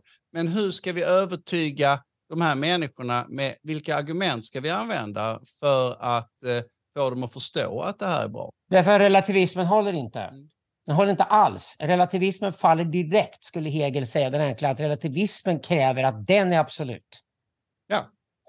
Redan där är relativismen omöjlig. Relativism uppstår i ett samhälle där ingen längre har någon ryggrad. Där ingen längre tar ansvar för det jobb de går till. Där alla sitter och tankar pengar från en stor offentlig sektor utan att ta ansvar för någonting de gör. Och då blir det ingenting annat än maktpositionering kvar. Ulf och Magda är bara intresserade av en sak idag, sin egen makt. Jag sin egen förstår position. inte det själv. De säljer ut Sverige hur lätt som helst till vilken terrorist som helst. De lägger sig platt för vem som än kommer och gör någonting som stör deras karriär och deras inkomst. De är totala sellouts. Det är det de avslöjar. Relativismen finns överallt här och det enklaste att ställa upp på det är att vägra delta i relativismen överhuvudtaget. Så det finns absoluta värden. Och det absoluta värdet börjar, börjar värdet, att min stam måste fungera. Min stam måste överleva. Från stam kan du sen utreda till nation och imperium. Därför har jag skrivit en hel jävla fucking bok om det här. För du måste gå tillbaka till mördarrelativismen i grunden och upptäcka att under bronsåldern utvecklas koncept som imperium och nation och försök till större enheter än stam som inte slår ihjäl varandra. Vet du vad? Vet du den framgångsrikaste modellen för långvarig fred är? Det är kastsystemet, ironiskt nog. För då vågar ingen bråka alls och alla sitter fast. Problemet är att vi sitter för fast, vi sitter för fastgjutna inför kastsystem istället. Men det finns poänger med system som har lyckats upprätthålla fred under långa perioder i stora populationer. Det är döden för relativismen. Mm. Det går att bevisa att den här modellen funkar bättre än den här. Det går att visa att den här modellen gör människor rikare, mer välmående, friare, öppnare samhälle konsekvens av det. Den här modellen funkar bättre om du kör diktatur istället här och sätter bara stammar mot stammar överallt och du utvecklar ingen nationalism, du har ingen gemensam agenda överhuvudtaget. Kaos, anarki, fattigdom. Det är bara att bevisa det, steg för steg gå igenom det och det vi gör nu är kulturstudier. Jag kommer bli oerhört kontroversiell, för jag kommer gå ut och säga att vissa kulturer funkar sämre än andra. Här är varför. Och det har inget med rasism att göra, för du kan adoptera en unge från en misslyckad kultur till en lyckad kultur, göra dem hur lyckad som helst på två sekunder. Det är kulturell kontext som bestämmer om vi är framgångsrika eller inte. Och här har vi någonting att försvara eftersom vi trots allt i Europa och USA lyckas göra rika samhällen med fungerande infrastruktur som håller. Nu håller det på att rasa ihop sig idag, kronan faller, det här landet i fritt fall. Men jag, jag vill lyfta det här med, med Alexander ändå. Jag, en, en, en förutsättning i mitt huvud i alla fall för att Medborgarsamling ska ha en chans, det, det är att först nedmontera eh, sossarnas propagandamaskin som heter SVT. Eh, och det, det, det skulle vara lättare att göra om, om alla medlemmar i, eh, i Medborgarsamling gick med SD, förstärker SD och driver den frågan. Sen kan man, eh, sen kan man liksom successivt påverka opinionen. Du kommer aldrig få det hända, det är för det är nämligen så att vi behöver Sverigeliberalen till Sverigedemokraterna. Vi behöver båda två. Men hur, du måste, vi har två starka strömmar som håller i det landet och som vill försvara Sverige. Det är nationalliberaler som jag och det är de konservativa. Jag är inte konservativ. Vi har helt olika uppfattning om hur gängen ska besegras till exempel. Så vi har inte, det är många frågor som är viktiga för Sverige idag. Det är vi inte överens. Debatten mellan de här två grupperna kommer däremot bli avgörande. Vi börjar den debatten här idag. Men jag kommer aldrig bli sverigedemokrat. Jag är ledsen, jag kommer inte bli det. Ja, nej, alltså Sverigedemokrat. Man ska ju gå med i Sverigedemokraterna om man är Sverigedemokrat, helt enkelt. Ja, jag är inte sverigedemokrat heller. Jag kommer eh, Inte, inte jag heller, men jag, jag är liksom mer, mer pragmatiskt inställd. Vi måste först eliminera propagandamaskinen för att kunna, kunna ändra opinionen. Eh, SVT är för mycket. Ja, men Sverigedemokraterna vill SVT, men de vill ha det sverigedemokratiskt. Sverigedemokraterna vill ha en stor Ja. stat, de vill bara ha sverigedemokratisk. Eli- Elias, SVT har aldrig varit svagare. Nej, exakt. Så att det, det, du säger att det här måste nedmonteras, men, men ja, verkligheten och teknikutvecklingen den, den, den, den visar ju att det blir en nedmontering. Ja, Eh, men det tar för lång eh, tid. Du måste eliminera den först. Alltså, för, för, Det här är inte in en stor ett- fråga, Elias, alls. Rädda Sverige handlar om helt andra saker just nu. Mycket, mycket viktigare saker än det. Som till exempel att få en riktig författning i det land och författningsdomstol som ingen religion får ställas över. Det måste vi ha. På, på, tal om att rädda, på tal om att rädda Sverige då, så är liberalismen du pratar om, Bard, är den för återvandring? Du kan ha vilka lösningar du vill, bara samhället fungerar. Ja, men bra. Då är- då är Nationen måste fungera. Jag är Perfekt. liberal nationalist, Mm. eller nationalliberal. Ja. Ta med det prefixet jämt. Prata- Blanda inte ihop mig med de jävla fucking Folkpartiet. Nej, jag bara... Jag, bara, jag, Jag, bara jag, jag, jag är alltså frihetlig. Jag vill ha en krympt stat med fungerande kärnverksamheter. Ni kan läsa med både samhällspartiprogram, det är bra. Däremot måste partiet hottas upp ordentligt med ny ledning och Daniel Sonesson vid rodret så kan säkert det hända. Och sen ser jag att i, vad det gäller att rädda Sverige kommer Sverigedemokraterna och nationalliberaler i någon form vara tvungna att samarbeta. Och på 20-30-talet måste det ha varit två starka rörelser i Sverige som Sverige behöver båda två. Då ska jag säga det. För du vet, ju, du, vet ju hur demografin ser ut och demograf- demografiska utvecklingen kommer se ut de närmaste 30 åren. Det ser inte bra ut, kan Nej, säga. men unga grabbar i Sverige idag har vaknat. De alla höger. Ja, men då, då, mina barn kommer ju växa upp i ett Sverige där de är en minoritet. Det är, det är ju tragiskt i sig. Nu är det bättre här i norr än vad det är i söder. Ni är söderut, ni är så jävla körda. Alltså, herregud. Ja, men vet du vad Pontus, vad som är spännande med Medborgerlig Samling, partiet har 5 000 medlemmar och lyckas till sig väldigt många invandrare från Mellanöstern som är livrädda för islam. Det finns alltså en stor rekryteringsbas i sekulariserade människor som kommer från Mellanöstern. Så du kan inte ta alla invandrare på en kam och sätta dem alla nu på grund av demografin Ja, men- i problemet. Du har också förändringar ideologiskt populationen och det pågår en sekularisering i Mellanöstern. Här sitter vi med Adrian själv, liksom med persisk Jo, jo. bakgrund. Jag sitter själv nu med perser och kurder som vill lämna islam i zoroastrism. Jo, men Och det är för att zoroastrismen är kompatibel med Sverige som vi lever idag. Bard, jag pratar om sam- politik, samhällsnivå. Du kan inte babbla om individer när du snackar om politik. Jag pratar ju om samhällsströmningar, samhällsförändringar. Det är ju det man måste ta hänsyn till om det är politik man snackar om. Ja, och demografin är det viktigaste sånt, men eftersom inte vi lever i ett kastsystem och ideologier är inte fixerade finns det även värderingsförändringar inom populationerna. De får du kämpa med och det är ett politiskt fight du måste ta. Mm. Ja, ja, men och det är det jag menar att börjar man liksom inte kanske för det första stoppa inflödet och så sen utvisa de här kriminella klanelementen till att börja med, då kommer ju det vara en hopplös kamp. Det kommer ju inte gå. Ja, jag håller med. Ja. Bra! Perfekt.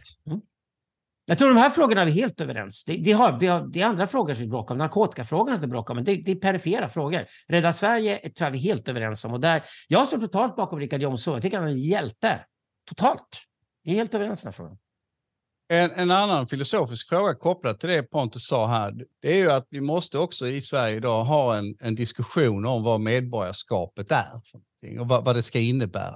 Vad är ett medborgarskap? Och det är ju staten som, som, som står för medborgarskapet, men samtidigt vet vi att staten vilar i nationen. Och en fungerande nation vilar i upplysning, vetenskap, förnuft och så vidare, alla de här yttrandefrihet.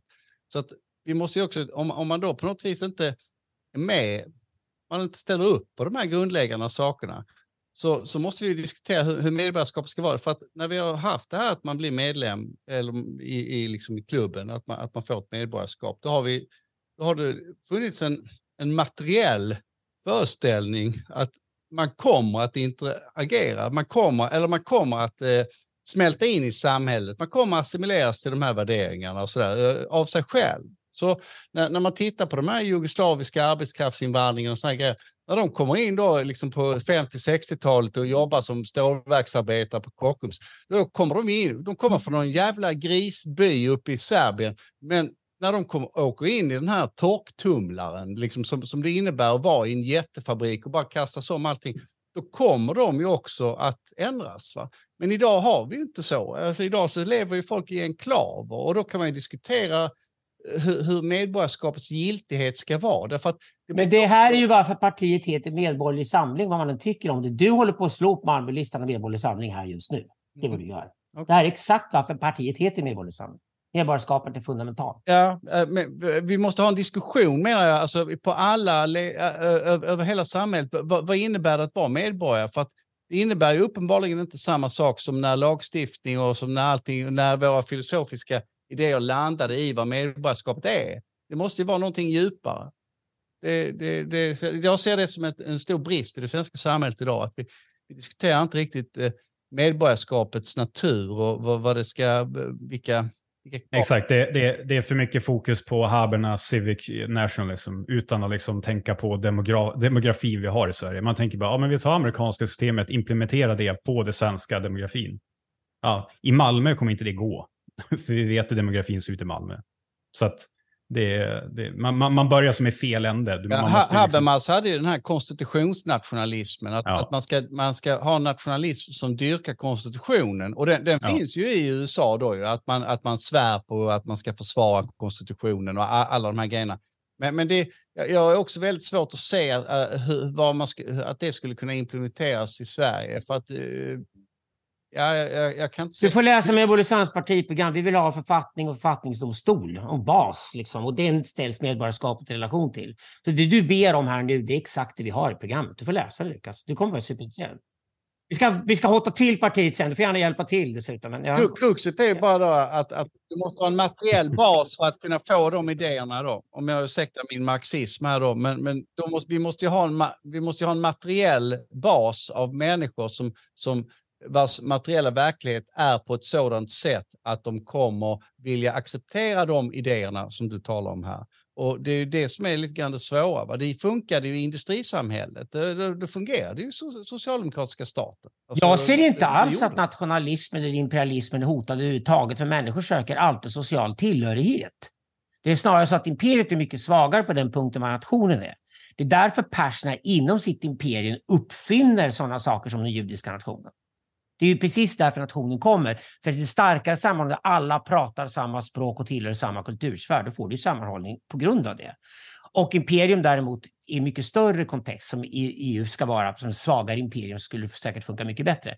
Men nationen Sverige är då fundamental här och då måste du ha en lagstiftning och då måste du ha en författning. Och författningen är den som står över sharia till exempel. Alltid står över sharia. Ingen religiös lag får stå över svenska författningen. Tvärtom. Men på tala om imperier och på tala om EU. Eh, vi har ju ett EU-val som stundar nästa år. Och jag tänkte ta tempen eh, på dig här eh, lite inför det. Hur ser du på dels Europas framtid och, och Sveriges framtid som en del av, nu sa jag Europas framtid, jag menar ju EUs framtid. Eh, och Sverige som en del av, av EU. Kommer vi bli en del? Kommer vi slukas upp av det här federala superstatsprojektet som man historiskt nu, hittills i alla fall, eh, har byggt på, byggt mot. Vad tror du? Nej, inte om väljarna säger nej till det och det finns tydliga alternativ att rösta på som vägrar delta i det. Byråkraterna i Bryssel vill ha mer makt. Så fort du bygger byråkrati vill de ha mer makt. Så fort du bygger byråkrati som är Moderaterna och Socialdemokraterna, då, för det är bara byråkratier kvar i de partierna, så vill de ha mer makt. Okay?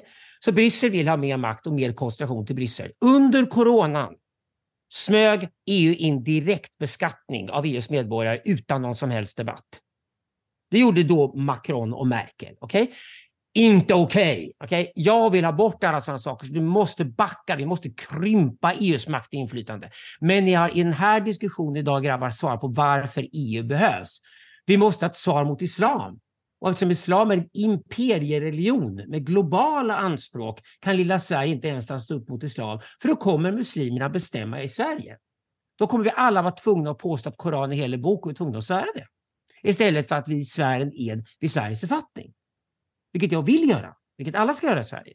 Det här är den koalitionen vi måste ta. Och det måste till en europeisk resning mot islam som kräver att islam reformeras till en separation av stat och kyrka. Sen får muslimerna praktisera religion hur mycket de vill, bygga hur många moskéer de vill. Jag bryr mig inte om penningflödena heller. De får vanligt göra det. Men de måste underställas författningen i Sverige och det måste också EU göra. Och EU är sen samarbetet för att ställa islam ansvariga för det här. Vi kommer inte, islam kommer vinna Europa om inte Europa står mot islam. Därför behövs EU. Ska man initiera en dos av optimism här då, så kan jag konstatera att utsikterna ser ganska bra ut inför EU-valet nästa år. Alltså historiskt så har ju den här största gruppen, den kristdemokratiska, samarbetat mer med vänstergrupperna än med högergrupperna ECR och, och, och ID. Men det vi ser i opinionsundersökningar och annat är att ECR kommer växa sig starkast av, av kommer växa mer än, än de övriga partigrupperna och kommer bli en, en, få större inflytande helt enkelt i det samarbetet. Att, Ja, men samtidigt har vi ett problem till och det är att Socialdemokraterna är idag Islamdemokraterna. Och det är samma problem med socialdemokratiska partier i andra länder med. Danskarna har redan förbjudit koranbränningarna. Vem gjorde det? Socialdemokraterna. De är Islamdemokraterna. Mohammed-karikatyrernas Danmark är bortblåst. De har gjort det. Sossarna. För sossarna ska muslimska väljare. Det är vad de håller på med. Det var ett, det var ett verkligt... Ett, ett, ett väldigt, eh, ett väldigt... För att det går faktiskt emot eh, Mette i Danmark och alla, eh, hela den bilden vi har haft av Danmark under 20 års framväxt. Det de gjorde. Men, men jag måste ändå säga att när man tittar på de danska socialdemokraterna så kan man ändå se, när man, jag såg deras presskonferens, att de hade ett slags eh, någon slags eh, eh, pragmatiskt försvar för det här och så vidare. Och så. Men det såg man ju inte alls med den socialdemokratiska presskonferensen. De verkar inte, de, som sagt det var ju en total logisk motsägelse det de sa själva. De, de, de visste ju inte ens vad de sa. Eh, eh, jag menar, man kan säga vi förbjuder det här av pragmatiska skäl, punkt. Eh, sådär liksom. Ungefär som man säger till sitt lilla barn, nu får det inte bli mer isglass. Och så, så, så slutar man bara, inga argument, det är så jag bestämmer.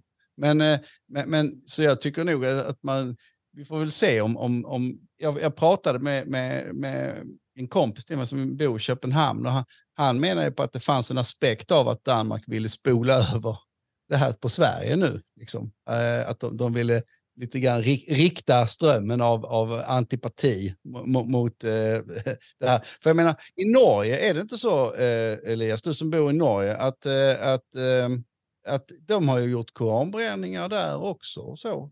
Eh, det, ingen, ingen bryr sig. Så det finns en aspekt av, av slump i det här också, varför ja. folk bryr sig. Ja, det har inte blivit något... Uh...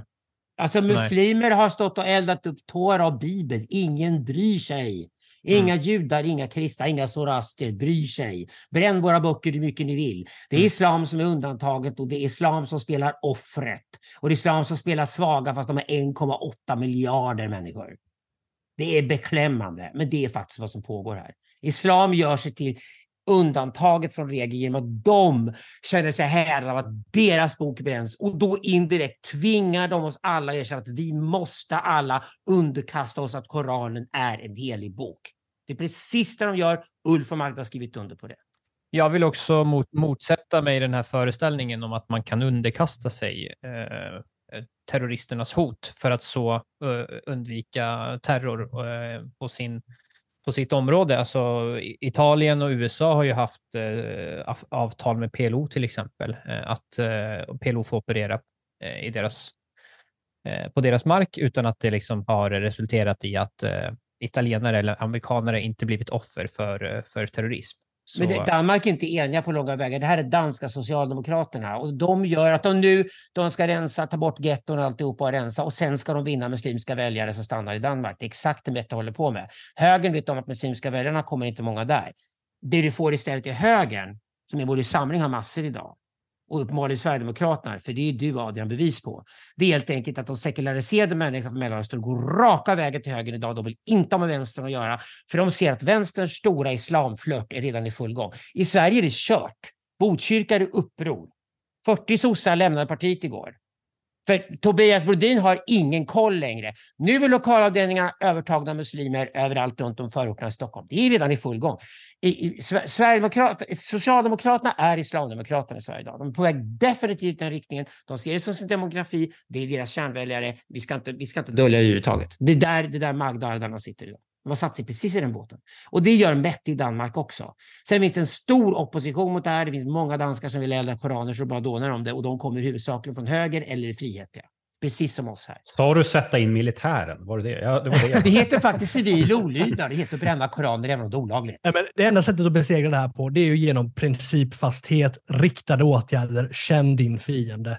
Inte hålla på och relativisera som man gör med den här, med den här huvudlösa öppenheten. Men vi får se, vi får se hur utvecklingen går på, på EU-fronten. Som sagt, ECR-gruppen kommer förmodligen växa och då, då banar det ju vägen för att Kristdemokraterna i EU, EPP-gruppen, samarbetar mer med ECR än med sossarna, med vänstern.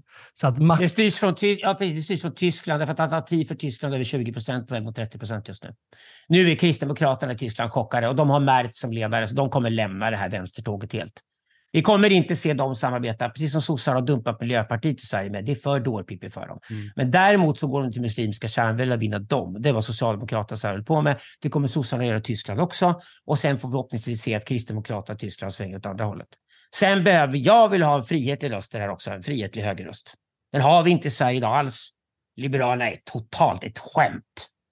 Ett skämt. Folkpart folkpartister. Ja, folkpartister. Folkpartiet är ett skämt. Och det, det, det, det, måste få, det måste finnas ett fridligt parti som försvarar det Sverige som växte fram på 1870-talet. Gripenstedt Sverige. Gripenstedt var den som på 1870-talet inledde de stora reformerna som under 50 år radikalt förändrat Sverige och gjorde oss ett rikt land. Det var inte sossarna som gjorde det. Det var Liberalerna mellan 1870 och 1920. Och Gripenstedt var han som sa en svensk en person som kan bli vad han vill. Fint, på ett sätt. Ja, ja, Ja, jag skulle då vilja lä lägga till här då eh, att eh, på, på, det ni, ni säger här med, med, både med Gripenstedt och det här ni talar om eh, muslimska kärnväljare, att det finns ju, vi måste ju också ha ett klassperspektiv på det här. Va? Alltså att, eh, att vad vi skapar mm. nu är ju en etnisk underklass som ju inte kan eh, eh, försörja sig själv helt enkelt. Det, det, det är ju det vi måste det är det vi måste titta på. Redan, redan nu är det så. Det, det finns ju ingen i, i de här förorterna som på, på gruppnivå kan försörja sig själv. Och det är väl det som är kruxet lite grann. Alltså att klass, klassanalysen har på något vis eh, blivit eh, eh fastnat i sin egen historia. Den, den, den gäller inte längre. Invandrargrupper som inte mobilt rörliga uppåt inom en generation är körda och fastnar. Precis så är det historiskt. De tittar på alla kulturer. Amerikanerna och australiensarna var bra på att få invandrargrupperna att röra sig uppåt fort. Okay? Det är afroamerikanerna som har problemet i USA av olika skäl. Det är inte invandrargrupperna. Mm. Nigerianer i USA idag tjänar mer pengar än afroamerikaner. Det genomsnittliga indiska invandrarfamiljen i USA har tre gånger högre årsinkomst än genomsnittliga amerikanska familjen. Invandrare kan vara oerhört framgångsrika och tillföra massor med vitalitet till ett samhälle. Men om de inte rör sig mobilt uppåt inom en generation, vilket är klassanalysen, då kommer de sitta fast och gidra fast i botten på samhället och sen har du ett problem för all evighet framför dig. Sen är ju alltid risken det här med när vi jämför USA och eh, Sverige. Då. Men, men jag, håller, jag håller med om det. Man brukar väl säga, om vi då ändå ska, fastän jag säger att man inte ska göra det, ska hålla, ta den amerikanska eh, föreställningen, så är det ju den här att den första generationen som kommer från, från Taiwan eller Kina eller USA, de biter sig fast, det har fixat jobb, över, survival, liksom överleva, klar, klara sig, bygga, bygga, uppfostra sina barn. Andra generationen, de blir de ekonom, mm. de satsar alltid på ekonomiska, bygga företag, alltså bli rika helt enkelt. Blir, blir det. Och sen först tredje generationen så har distansen från det gamla hemlandet varit så stor att då kan de ge sig in i politiken. Det är då vi ser de här Andrew Yang och alla, alla de här, de är tredje, fjärde generationen. Kommer aldrig, först andra generationen pengar, tredje generationen politik. Det är så jag ser det. Fast i Sverige det... går förbi det för vi har bidragssystem som gör att du går utan att göra karriär, utan att egna pengar, blir du inkastad i karriärsystem, politiska karriärsystem på en gång. Ja, exakt. Ja, i Sverige hoppar vi över mittsteget mm. och så går de direkt till politiken och så blir de istället ungefär som eh, ja, att, att de blir som någon slags big man ute i förorten där man ska dela ut eh, glaspärlor till dem. Fast det, heter ju själv, det heter då jobb som eh, eh liksom, integrationsstrateg. Eller något Jämlikhetskonsulter. Kruxet som jag ser det, som, som, som jag tror man, eh, eh, eh när, när du talar här med Socialdemokraterna, eh, eh, eh Alexander, det, det, tror jag också att man får inte glömma det då som jag gärna använder ett begrepp som är transferiatet. Och det är ju alla de som sitter och tar emot värdegrundsansökan. Det, det är ju en hel klass i sig. Va? Eh, de måste vi också titta på och de kommer ju hela tiden att försvara det, det rådande systemet på något sätt. Därför att de... Varför tror du att Medborgerligt samhällspartiprogram är massor med budgetnedskärningar överallt? Du måste helt enkelt dra undan mattan på de här systemen. Du måste se till att våra hårt förtjänade skattepengar utbetalade till staten ska inte gå till transferiat överhuvudtaget. Men det, det, det är precis därför det funkade. Det var det där, därför det funkade i USA. De hade inte en välutvecklad välfärdsstat som, som, som du brukar säga, Alexander, en, en tutte som man kunde komma och suga på. Det, det var inte så det funkade. Men Elias, istället så ger de, här, eh, ger de sig in i storföretagen. De ger sig in i Disney, de ger sig in i Netflix, de ger sig in... Så att den här eh, parasitklassen eh, transferiatet som, som idag sitter i myndigheter och sånt där i Sverige, därför att här, här kan man su suga mest på det. De sitter ju i storföretagen i USA. Ja, men vänta nu, det är en helt annan sak i USA än i Sverige. Det är mycket, mycket värre i Sverige. Det är mycket. Här har de både den politiska sektorn och den akademiska sektorn mm. och nu försöker de ta sig in i näringslivet. Som tur var finns ju folk som jag som är ledare och lär ut folk och ledare och managers i näringslivet. Jag driver ju kurser mot woke på företag, så vi kan redan bygga trenden mot där. Men problemet är att varenda woke-människa vi kör ut från näringslivet kan i Sverige gladeligen gå in i akademierna och politiken istället och göra karriärer. För att de får resurserna för att göra det, för att hitta på låtsasprojekt i mängder. Det är fullständigt Kafka där inne. Och det, det finns bara ett sätt att göra det. Alltså, därför jag inte med Sverigedemokraterna och tror att ett liberal, nationalliberalt parti är nästa steg i Sverige. Därför att ett nationalliberalt parti kommer driva stenhårt. Stryp resurserna och transferiatet. Ta bort dem. Sänk skatten. Ge medborgarna pengarna tillbaka och spendera på vad de vill. Men eh, arbetarklassen här, va? det är ju det som är grejen, att arbetarklassen måste ju i någon mening vara den som gör, gör revolt mot transferiatet. Jag gör mitt bästa, Lukas. Jag försöker. Jag tror att Sverigedemokraterna kommer gå åt det hållet, men jag har inte sett det än i deras budgetförslag och liknande. De gillar ju staten lite mycket. Jag, jag vill ha en krympt effektivare stat. Och det kräver också att vi har krympt effektivare i EU. Och det är EU-valet nästa år. Det kommer handla om det. Dörren är där. Ja. Men det var, det var inte... Eh, det är för övrigt ett bra namn på en podd. Dörren är där. Det borde vi ha döpt podden till. Det, Ja. är, det är lite mer bonskt eh, under all kritik. Dörren är där.